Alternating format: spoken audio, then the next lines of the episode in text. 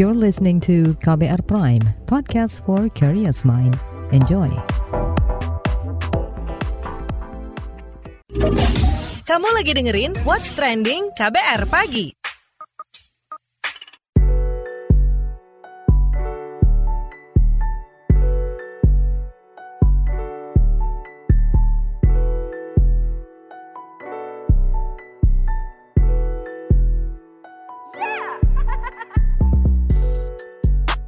KBR Pagi, siaran pagi radio paling update. Selamat pagi, apa kabar Anda hari ini di hari Kamis 3 Maret 2022? Kembali lagi saya Don Brady menjadi teman pagi hari Anda semuanya di What's Trending KBR Pagi pastinya. Jadi isu penundaan pelaksanaan pemilihan umum atau pemilu yang rencananya itu digelar 14 eh, Februari 2024 mendatang kian memanas nih. Pro dan kontra akan usulan ini makin bermunculan. Wakil Ketua DPR RI dari fraksi PKB Muhaimin Iskandar atau Cak Imin bahkan mengklaim masyarakat menyetujui wacana tersebut. Bahkan ia mengungkap 60% dari 100 juta subjek akun di media sosial mendukung penundaan pemilu 2024. Sementara itu, Direktur Eksekutif Indikator Politik Indonesia Burhanuddin Mutadi lewat media sosialnya kembali memaparkan temuan survei oleh lembaganya yang merekam pendapat publik mengenai isu ini. Ia mencuit bahwa hasil survei pada Desember 2021 menunjukkan bahwa mayoritas publik setuju pemilu tetap diadakan pada 2024 meski dalam keadaan pandemi sekalipun. Hanya seperempat warga yang setuju pemilu ditunda hingga 2027 dengan alasan pandemi atau pemulihan ekonomi. Mulanya usulan penundaan pemilu 1 hingga 2 tahun dari politikus Partai Kebangkitan Bangsa ini karena pemilu dianggap berpotensi menimbulkan gangguan ekonomi yang mulai bangkit di masa pandemi COVID-19. Nah, usulan ini menjadi heboh diperbincangkan karena mendapat dukungan dari partai lainnya. Di antaranya Partai Amanat Nasional, terus juga Golkar, Ketua Umum PAN Zulkifli Hasan mendukung gagasan tersebut dengan dalih kondisi perekonomian di tengah pandemi COVID-19, program pembangunan nasional yang tertunda, hingga menyinggung soal anggaran pemilu dan dampak konflik Rusia-Ukraina. Ketua Umum Golkar Erlangga Hartarto juga mengklaim mendapatkan masukan dari masyarakat agar Jokowi masih menjadi presiden setelah 2024. Meski begitu tak sedikit partai yang menolak usulan tersebut seperti Partai Demokrasi Indonesia Perjuangan, terus juga ada PKS hingga Partai Nasional Demokrat. Nah kita bakal bahas soal ini tapi kita dengarkan dulu opini warganet plus 62 berikut ini.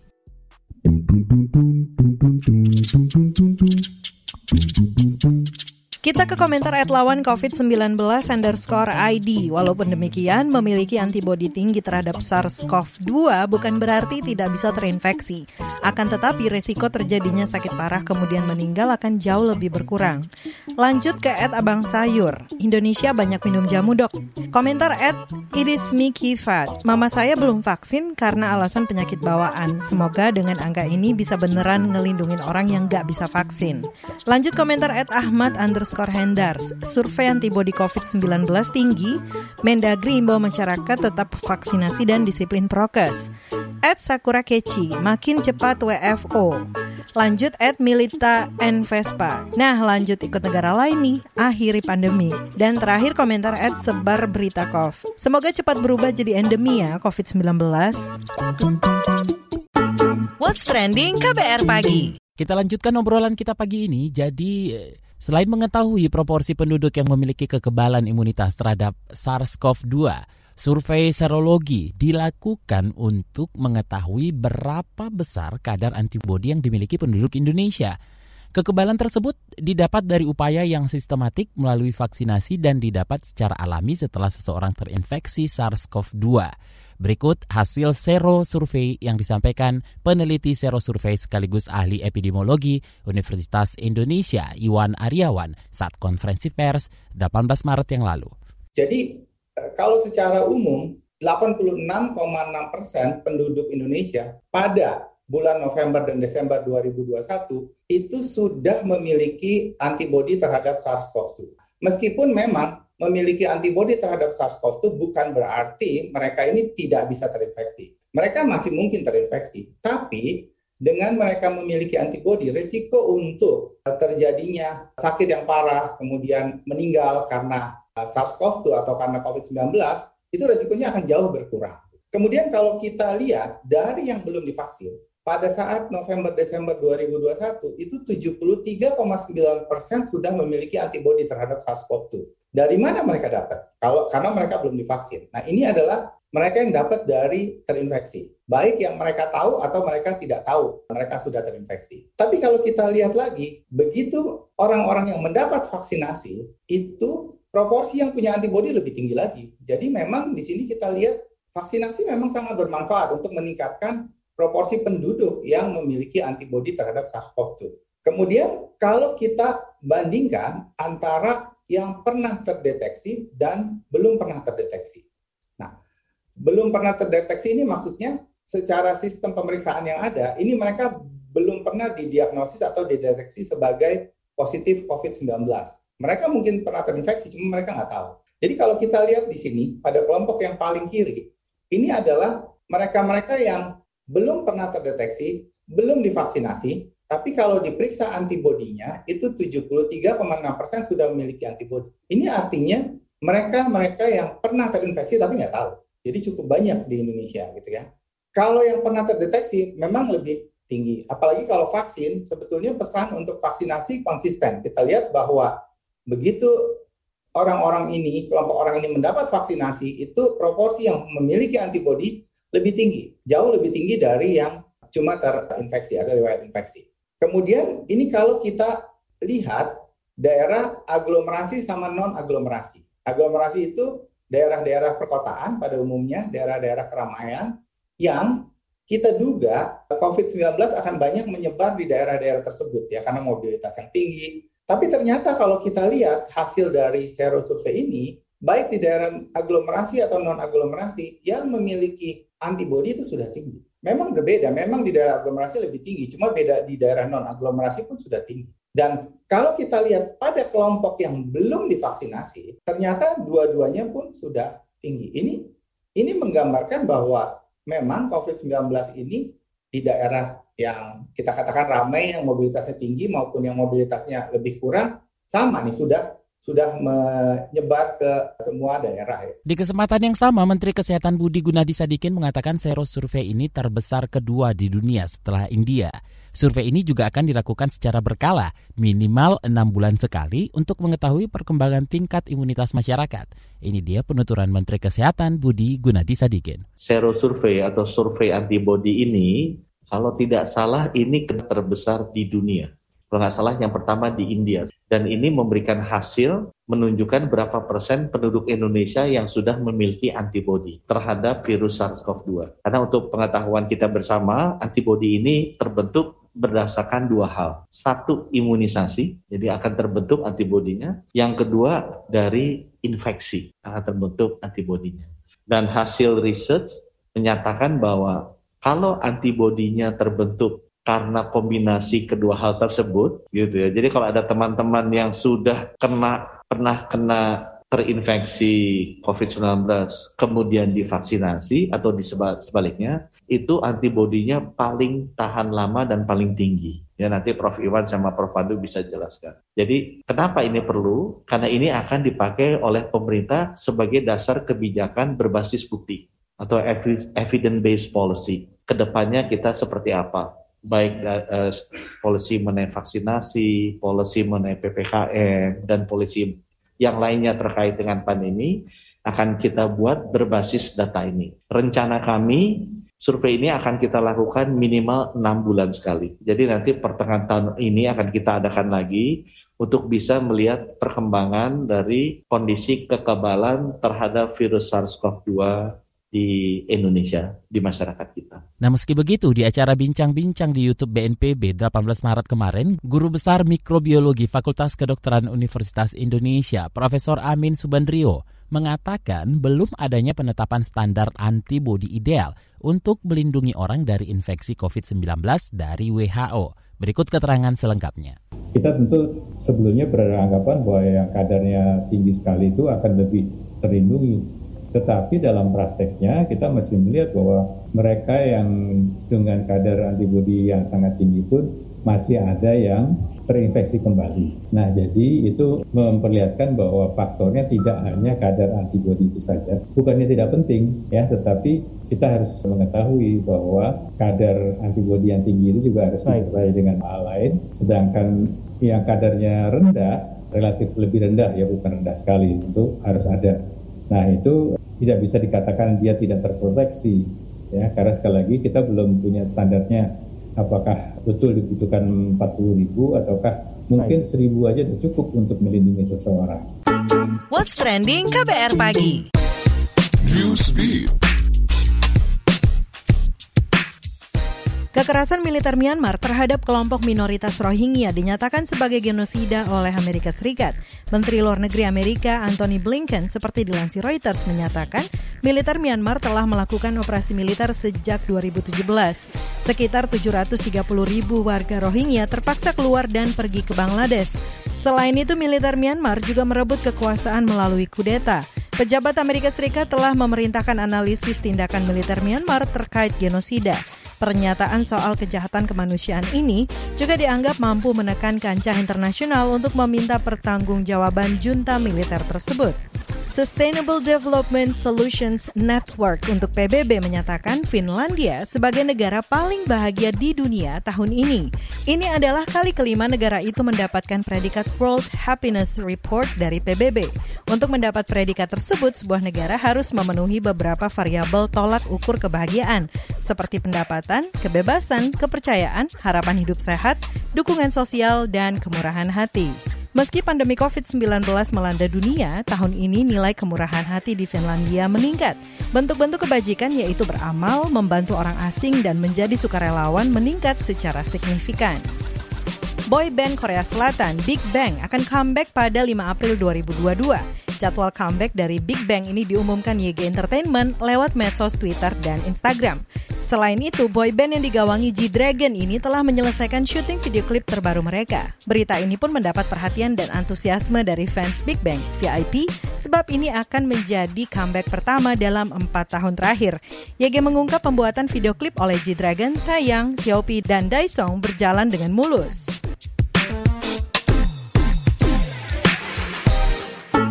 What's Trending KBR Pagi Survei 86,6 persen penduduk Indonesia punya antibodi COVID-19 itu yang kita obrolin pagi ini. Nah terkait hasil survei tingkat kekebalan tubuh dan implikasinya terhadap penanganan pandemi COVID-19, kita mau ngobrol bareng ke Dewan Pakar Ikatan Ahli Kesehatan Masyarakat atau IAKMI, Hermawan Saputra.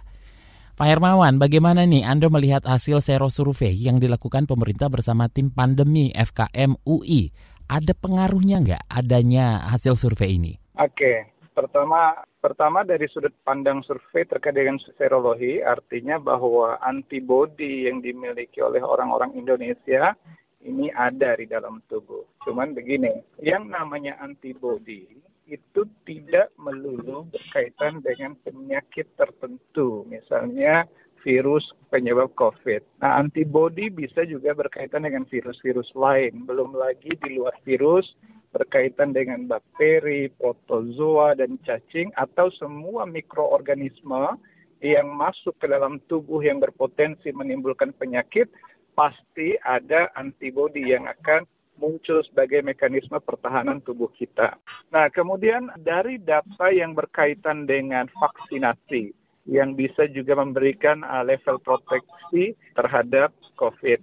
Nah, vaksinasi di kita ini kan baru 76 persen dari target, bukan 76 persen dari populasi. Nah, artinya dari 208 juta target sasaran vaksin, kita baru bisa sekitar 160 juta orang. Bahkan kita masih jauh dari segmen tertentu seperti lansia ya, di mana capaiannya baru sekitar 50 atau 60 persen. Nah, jadi dari segi vaksin, katakanlah kita menjumlahkan ya antara kasus kumulatif penyintas yang 5 juta orang lebih itu dengan 170 juta orang yang divaksin misalnya. Artinya kita itu belum mencapai level untuk 70 sampai 80 persen populasi kita yang terpapar atau memiliki kekebalan baik buatan maupun uh, alami dari penyintas maupun yang sudah divaksin.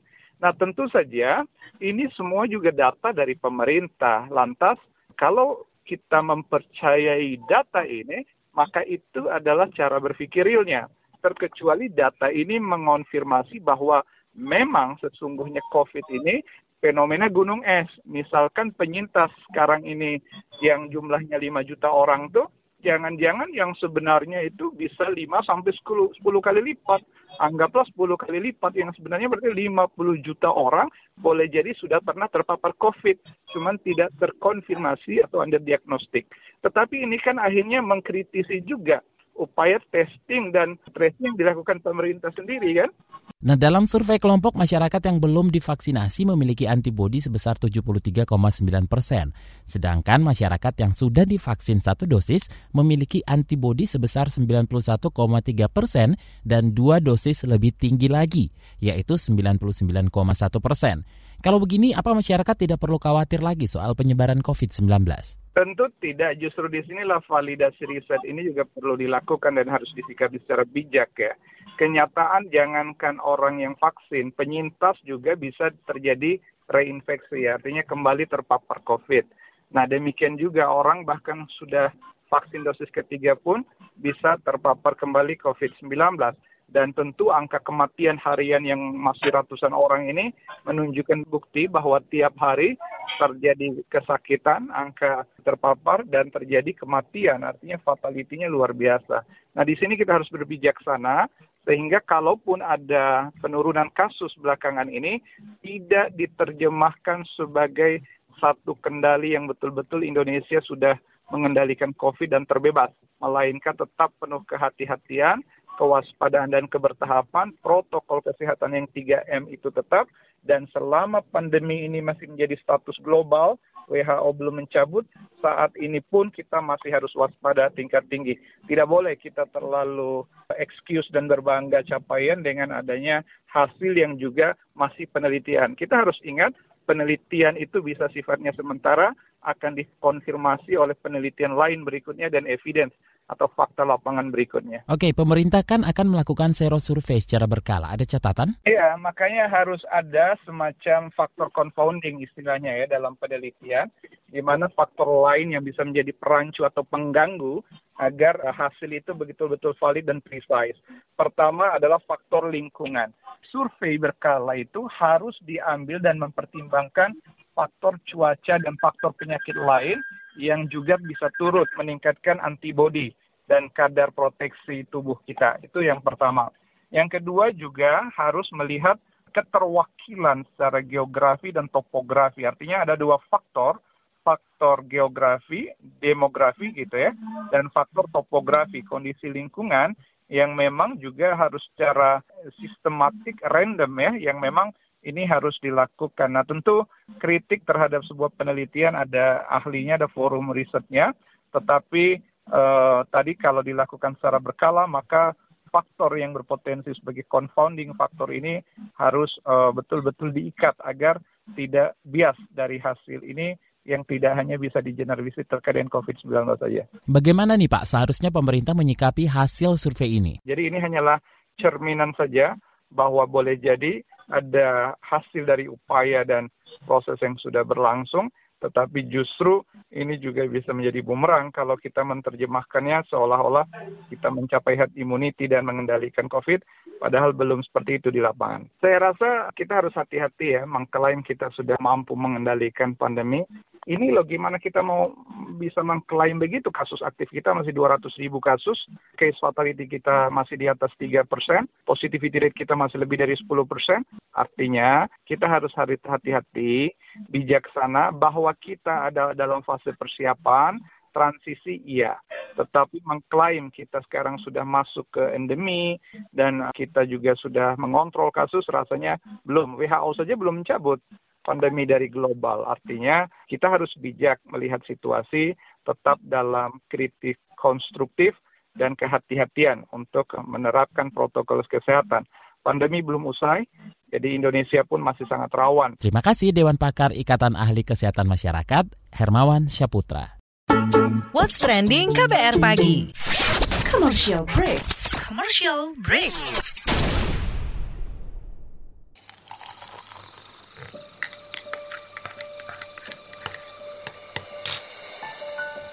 Hai, kamu apa kabar? Masih suka menikmati senja dan kopi? Aku masih ingat kebiasaan kita. Sehabis pulang kerja, selalu mencari tempat untuk sekedar ngobrol dan ngopi. Tapi kadang kita kehabisan bahan obrolan. Aku masih melakukan hal yang sama sampai sekarang tanpa harus takut habis bahan buat ngobrol. Karena aku selalu mendengarkan KBR sore dari Senin sampai Jumat jam 4 sore. Ah, aku rindu. KBR Inspiratif Terpercaya. What's trending KBR pagi?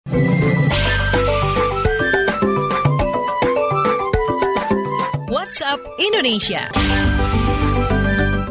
WhatsApp Indonesia dimulai dari Jakarta. Otorita Ibu Kota Negara IKN Nusantara menggandeng Komisi Pemberantasan Korupsi KPK untuk memastikan tata kelola pembangunan proyek strategis nasional itu bebas dari korupsi. Kepala IKN Bambang Susantono mengatakan pendampingan lembaga anti rasuah dalam perencanaan dan pembangunan IKN baru bertujuan untuk menarik kepercayaan investor. Bambang menyebut kepercayaan terhadap pembangunan IKN ini sangat penting lantaran sebagian pembiayaannya menggunakan skema investasi dan swasta. Kepala IKN Bambang Susantono juga menyambut positif pembentukan Satgas IKN oleh KPK. Ia berharap dapat menjalin kerjasama dengan Satgas ke depannya. Bambang merinci ada empat tahapan dalam proyek IKN, yakni tahapan persiapan, pembangunan, pemindahan, hingga penyelenggaraan pemerintah. Dalam pelaksanaan keempat tahapan itu akan diasistensi berkala oleh KPK. Masih dari Jakarta, Menteri Pariwisata dan Ekonomi Kreatif Sandiaga Salahuddin Uno memastikan kebijakan bebas karantina dan visa on arrival atau visa berkunjung bagi wisata mancanegara segera diperluas. Pemerintah, kata Sandi, menargetkan 1,8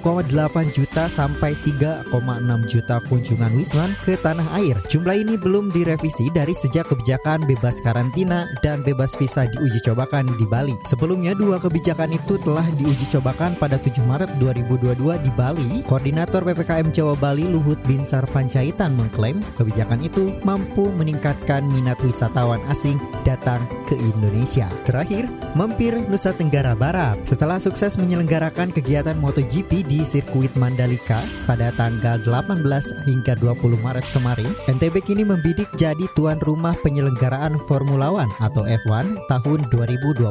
Kepala Dinas Pekerjaan Umum dan Penataan Ruang PUPR Provinsi NTB, Ridwan Syah yang berkomunikasi langsung dengan Chairman of Formula One, Stefan Dominicelli di sirkuit Yas Marina Abu Dhabi pada Desember lalu mengatakan pihak F1 menilai sirkuit Mandalika telah memenuhi syarat. Ridwan Syah mengatakan pihak F1 mensyaratkan beberapa hal agar sirkuit Mandalika masuk radar F1. Yang pertama, pertandingan MotoGP harus sukses digelar dan Mandalika mampu menyediakan 3000 kamar hotel bintang 5. Untuk sementara Mandalika hanya memiliki 800 kamar yang memenuhi standar.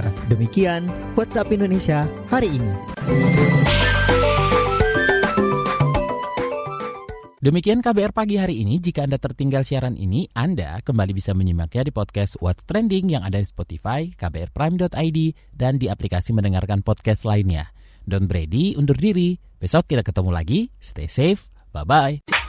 Terima kasih ya sudah dengerin What's Trending KBR Pagi. KBR Prime, cara asik mendengar berita. KBR Prime, podcast for curious mind.